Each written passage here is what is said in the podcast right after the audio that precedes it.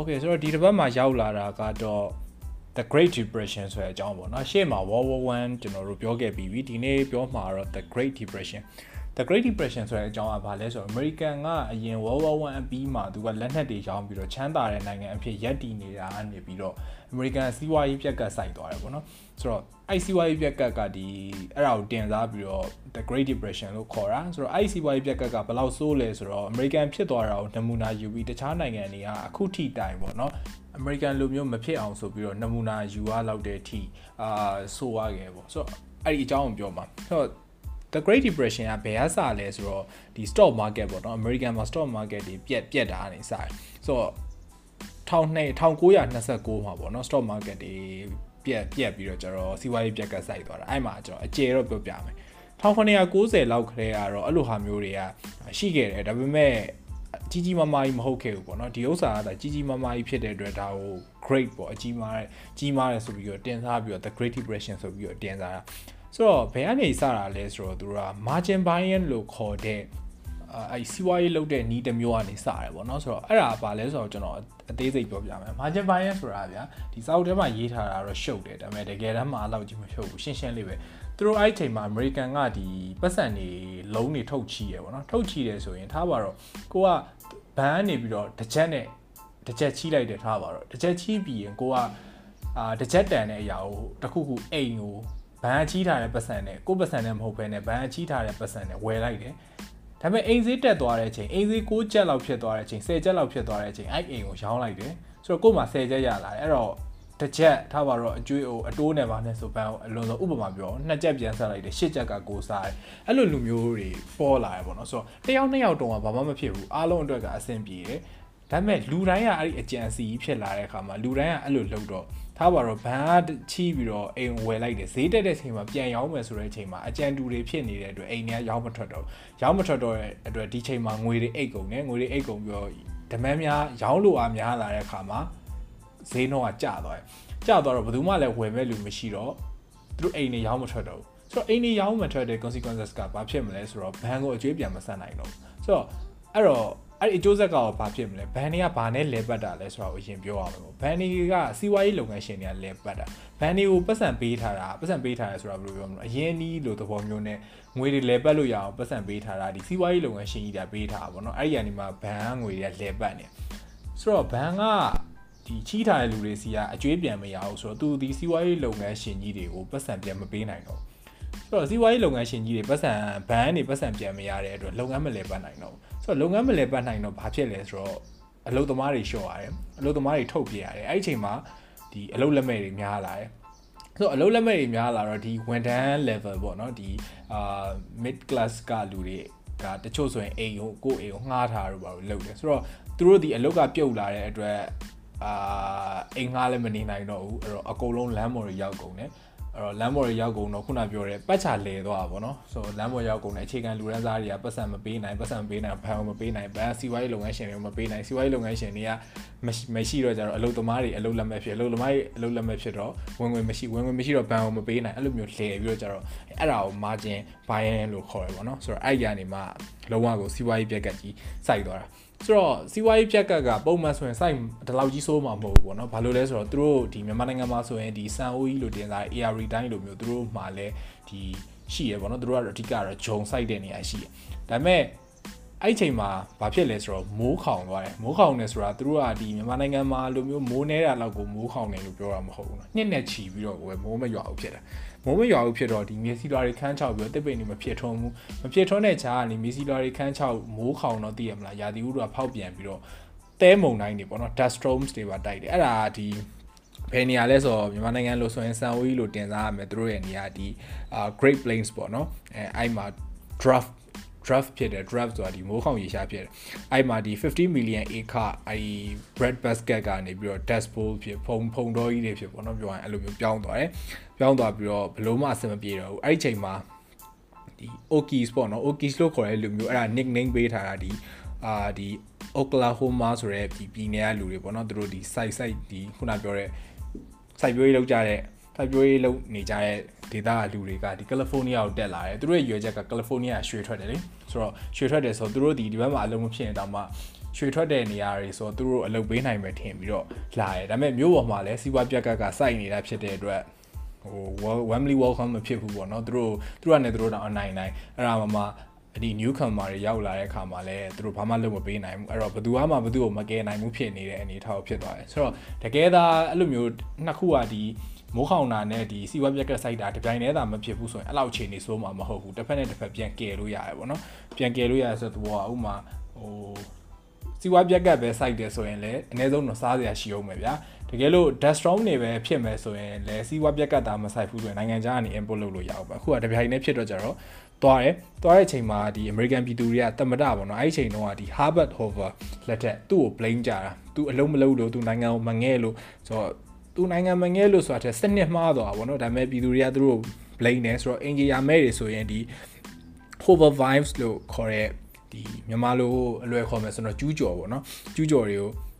သူ့ရဲ့ဒီသမ္မတရဲ့နာမည်ကိုအစွဲပြုပြီးတော့ရွေ့ပြီးတော့ဗောနော်သမ္မတအသုံးမကျလို့သူတို့ဒီလိုအင်ဂျီယာမဲ့ဖြစ်တယ်ဆိုတဲ့သဘောမျိုးနဲ့အာအစွဲပြုပြီးတော့ကြာရွေ့ပြီးတော့ကြာ hovervine ဆိုပြီးတော့ဒီ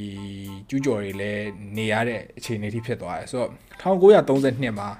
ဒီတမ္ပဒဟိုဟာဖြစ်တယ်ပေါ့နော်ရွေးကောက်ပွဲလုပ်တယ်ရွေးကောက်ပွဲလုပ်တဲ့ချိန်မှာတော့ဟမ်ဘယ်ပြောကောင်းမလဲဟိုကတမဲမှာမရတမဲဘယ်လိုပြောမလဲအမဲအပြတ်အသက်နဲ့ကိုရှုံးတယ်ရှုံးပြီးတော့ကျတော့ Franklin အာ Delano Roosevelt ကသူနိုင်သွားတယ်ပေါ့နော် သူနိုင်နိုင်ချင်းမှာဒီစီးပွားပြက်ကတ်ကိုပြင်ဆင်ဖို့တ plan ဆွဲတယ်ပေါ့နော်ဆိုတော့သူဒီ New Deal ဆိုရဲ plan တခုကိုဆွဲတယ်အဲ့ plan ကတော်တော်လေးကိုတာသွားတယ်ပြောရရင်တော့ဒီ National Bank နေပြန်ပြီးတော့လဲပတ်သွားနိုင်တယ်အလုပ်ကိုင်တွေလည်းပြန်ပြီးတော့ဖန်တီးပေးနိုင်တယ်အဲ့ဒီအပြင်ပေါ့နော်ဒီ unemployment rate က8%ကျသွားတယ်ဆိုတော့လုံးဝတတိုင်းပြည်လုံးအလုပ်လက်မဲ့ဖြစ်သွားတာနဲ့8%ကျသွားတယ်ဆိုတာနဲတဲ့ဒီတိုင်းကြည့်ရင်နဲတဲ့ထင်ရပါမယ်အဲ့ဒါတော်တော်များတဲ့ပမာဏဆိုတော့တော်တော်လေးကိုပဲသူက ဟိုသူ့ရဲ့ plan ကတော်တော်လေးဟိုဖြစ်ခဲ့တယ်ဒီနောက်ဆက်ပြောမယ့်ခေါင်းစဉ်မှာလည်းဒီဒီ president ပေါ့နော်ဒီ Franklin Delano Roosevelt အာ Delano Roosevelt သူလုပ်ခဲ့တဲ့ထူးထူးခြားခြားလုပ်ခဲ့တဲ့ဟာတွေတော်တော်များများရှိတယ်တချို့ကောင်းတာတွေလည်းရှိတယ်လို့ဆိုးတာတွေလည်းရှိရပေါ့နော်ဆိုတော့အာ the great depression ဆိုတဲ့အကြောင်းကတော့အဲ့ဒါပါပဲဒီပြောရရင်တော့ American တွေဟိုသူတို့ World War 1အပြီးမှာချမ်းသာနေတာနေပြီးတော့ပြောရရင်တော့ hero to zero ပြန်ဖြစ်သွားတဲ့အကြောင်း the great depression ဆိုပြီးတော့တင်စားပြီးတော့ပြောထားတာပါခုပြောမဲ့ခေါင်းစဉ်က World War 2ဘာလို့လို့နဲ့ World War 2ဖြစ်မဲ့အချိန်ကိုရောက်လာပြီဆိုတော့ World War 2ဘယ်လိုဖြစ်လဲပေါ့ World War 2ဘယ်လိုဖြစ်လဲဆိုတော့အကြောင်းမပြောခင်မှာ World War 1တော့ဘယ်သူတွေရှုံးတာလဲဆိုတာကိုရင်ပြောအောင်ပေါ့အဲ့မှာ World War 1တော့ Alliance တွေနဲ့ဒီ Central နဲ့အာ Central Powers နဲ့တိုက်ကြအောင်เนาะဆိုတော့ Central Power ရှုံးသွားတယ်ပြောရရင်တော့ Germany တို့ဒီ Central Power ထဲမှာပါတဲ့ Australia Hungary Turkey အဲသူတို့တွေသူတို့တွေရှုံးသွားတာပေါ့နော်ပြောရမှာဆိုရင်တော့ဆိုတော့အဲ့ချိန်မှာကျန်တဲ့လူတွေရှုံးတာအဲ့လိုပြဿနာမဟုတ်ဘူးဂျာမနီရှုံးတာမှာနည်းနည်းပြဿနာရှိရပေါ့နော်ဂျာမနီရှုံးတာမှာပြဿနာရှိရမဟုတ်ဂျာမနီကသူတို့ရှုံးတာအပေါ်မှာပြဿနာရှိရဘာလို့လဲဆိုတော့ဂျာမနီကအဲ့ချိန်တော့လူမျိုးကြီးဟွာဒါတော်တော်လေးကြီးစိုးတယ်ပြောရရင်တော့ဒီစစ်ရှုံးတာဒီသူတို့အတွက်တော်တော်ကိုသမိုင်းမှာအဲ့လိုမျိုးပေါ့ ဟိုယုံညံ့တယ်အဆင်မပြေဘူးအဲအဲ့လိုအဲ့လိုဟာမျိုးသူတို့ရှိခဲ့ရှိတော့ကြသူတို့ဒီစစ်ရှုံးတာနဲ့ပတ်သက်ပြီးတော့အာမကျေနပ်ဘူးပေါ့နော်စစ်တိုက်ပြီးပြန်လာတဲ့လူတွေနဲ့အဲ့လိုမျိုးဟိုစစ်တိုက်ပြီးပြန်လာတဲ့ခါမှာရှုံးပြီးတော့ပြန်လာတဲ့ခါမှာအဆင်မပြေဘူးအဲ့ဒါကနေစတယ်လို့ပြောလို့ရတယ်ဒီစာအုပ်ထဲမှာတော့အဲ့လိုရေးထားတာတကယ်တမ်းတကယ်တမ်းစစ်ဖြစ်တာရဲ့အကြောင်းရင်းတစ်ခုလည်းရှိတယ်အဲ့ဒါဘာလဲဆိုတော့ဒီ Hitler ပေါ့နော်အာ Hitler ကသူကပိုလန်ကို ကျူးကျော်တာကျူးကျော်တော့ကျတော့ဒီ Great Britain နဲ့ဒီ France ကနေပြီးတော့ Germany ကိုစစ်ကြေညာလိုက်တယ်အဲဒီကနေပြီးတော့ World War 2စတယ်လို့ပြောလို့ရတယ်ဆိုတော့ဒါကတော့ World War 2စတဲ့ဟာကိုဘုဒ္ဓတာအနေနဲ့ပြောပြတာပါဆိုတော့ World War 2စလိုက်ခြင်းဒီ American ကိုခုနစီးပွားရေးပြက်ကတ်ကြောင့်0ဘဝကိုပြန်ရောက်သွားတာကနေပြန်ပြီးတော့နလန်ထူးလာစေခဲ့စေတယ်ဘာလို့လဲဆိုတော့ရှေ့မှာလည်းပြောခဲ့ပြီးသား American ဒီ သူများစစ်ဖြစ်မှချမ်းသာတာပြောရရင်ဟိုရှေ့မှာနှစ်ခုပြောခဲ့ပေါ့နော် American ဒီစစ်စစ်သူများစစ်တိုက်ပြီဆိုရင်သူချမ်းသာပြီဆိုတာလည်းတစ်ခုပြောခဲ့နောက်တစ်ခုက American ဒီအခက်အခဲတစ်ခုကြုံတိုင်းသူတို့ဒီ U-turn ဖြစ်တာအရန်မြန်တယ်ပေါ့နော်ပြောရင်ကံကောင်းတယ်ပေါ့ဆိုတော့ဒီမှာလဲလို့ပဲသူတို့စီးပွားပြက်ကပ်စိုက်တဲ့အချိန်နဲ့ World War 2ဖြစ်တဲ့အချိန်နဲ့ကွက်တီဖြစ်သွားတော့သူတို့ဒီနလန်ပြန်ထလာတယ်အာပြောရရင်တော့ဟိုပုံမှန်အခြေအနေတွေကိုပြန်ရောက်လာတဲ့အပြင်ကောင်းတဲ့ဘက်ကပါလှည့်လာတယ်ဆိုတော့ဘယ်လိုဖြစ်လဲဆိုတော့သူတို့ဒီအဲ့ချိန်မှာ စစ်ကိုဝါဝါ2တဲ့ကိုဝင်ပြီးတော့ပါရလောက်အောင်လဲသူတို့ဒီအဆင်ပြေးမနေဘူးအဆင်ပြေးမနေတော့သူတို့ကလဲတယ်ပြောရမယ်သူတို့ဒီလက်နက်ဆက်ယုံတွေဘက်ကိုဥတီလိုက်တယ်ဆိုတော့လက်နက်ဆက်ယုံတွေစောက်တယ်လက်နက်တွေထုတ်တယ်အဲ့တော့အလုတ်လက်မဲ့ဥကြီးတွေလည်းရော့သွားတယ်ဒီလက်နက်ဆက်ယုံမှာလူတွေအလုတ်လောက်ကြတော့အလုတ်သမားတွေလည်းပြန်ပြီးတော့ဟိုအလုတ်ရသွားတယ် ပြီးတော့ကျတော့သူတို့ဒီလက်နဲ့ရောင်းတယ်လက်နဲ့ရောင်းတဲ့အတွက်ပြောရရင်တော့စစ်ဖြစ်နေတဲ့အချိန်လက်နဲ့ရောင်းတယ်ဆိုတော့သူတို့စီကပဲဝယ်ကြတော့ American ပြန်ပြီးတော့ချမ်းသာလာတယ်ပေါ့ဆိုတော့ပြောရရင်တော့ American ကအဲ့ဒီအချိန်ထိသူတို့ပြန်ပြီးချမ်းသာလာတဲ့အထိဒီစစ်ပွဲကိုစိတ်ရောကိုပါမတိုက်ဘူးပြောရရင်တော့လက်နဲ့ရောင်းပြီးတော့ပဲတိုက်ကွာတိုက်ကွာဆိုပြီးတော့ညှောက်ပေးနေတဲ့သဘောမှာပဲရှိရပေါ့နော်ဒါပေမဲ့ဘယ်ချိန်ကျမှသူတို့ဒီစစ်ပွဲတွေကိုစိတ်ရောကိုပါတကယ်ဝန်းတိုက်လဲဆိုတော့ဒီဇင်ဘာ 1941ပေါ့1940မှာဂျပန်ကသူတို့ရဲ့ဒီ Navy base ဖြစ်တဲ့ Pearl Harbor ပေါ့နော်ဒီ Hawaii မှာရှိတဲ့ harbor ကိုသူတို့ဘုံကျဲလိုက်တာကနေပြီးတော့ American ကအာလုံးဝစစ်ထဲကိုဝင်ပြီးတော့ပါလာတယ်ပါလာပြီးတော့စစ်ထဲကိုဝင်ပြီးပါလာတယ်ဆိုတာလဲစစ်ပွဲကိုအမေရိကန်ကိုခေါ်မလာဘူးသူတို့ကလှဲတယ်ပြောရမယ်သူတို့ရဲ့ပြည်နယ်ကိုခေါ်မလာဘူးတခြားမှာပဲသွားတိုက်တယ်သူတို့ဒီ troops တွေလွှတ်တယ် အာပြောပြောရရင်တော့သူသူသူများပြည်နယ်ကိုပဲလွှတ်ပြီးတော့တိုက်တယ်ပေါ့နော်ကိုကိုရဲ့ data ကိုစစ်ပွဲခေါ်မလာဘူးအဲ့တော့သူတို့ဒီအဲ့ဒီသူတို့ရဲ့ဂျပန်ကသူတို့ရဲ့စိတ်ကန်းကိုဖုံးကျဲလိုက်တဲ့အချိန်မှာချက်ချင်းဒီအမေရိကန်မှာရှိနေတဲ့လူပေါင်းဂျပန်လူမျိုးပေါင်းပေါ့နော်ဂျပန်သွေးပါတဲ့လူမှန်သမျှ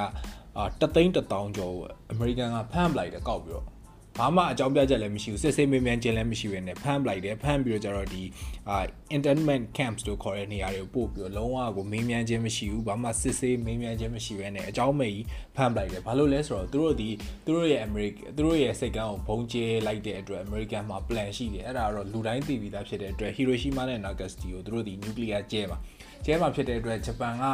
သူတို့သူလျိုတွေလွှတ်ထားတာတို့ပြီးတော့အဲ့လိုမျိုးပေါ့နော်ဘယ်လိုပြောမလဲအနှောက်အယှက်ဖြစ်အောင်လှုပ်လှုပ်မှာဆိုလို့ပြောရရင်တော့ဂျပန်သွေးပါတဲ့လူမှန်သမျှကိုသူတို့ဒီအကြောင်းမဲ့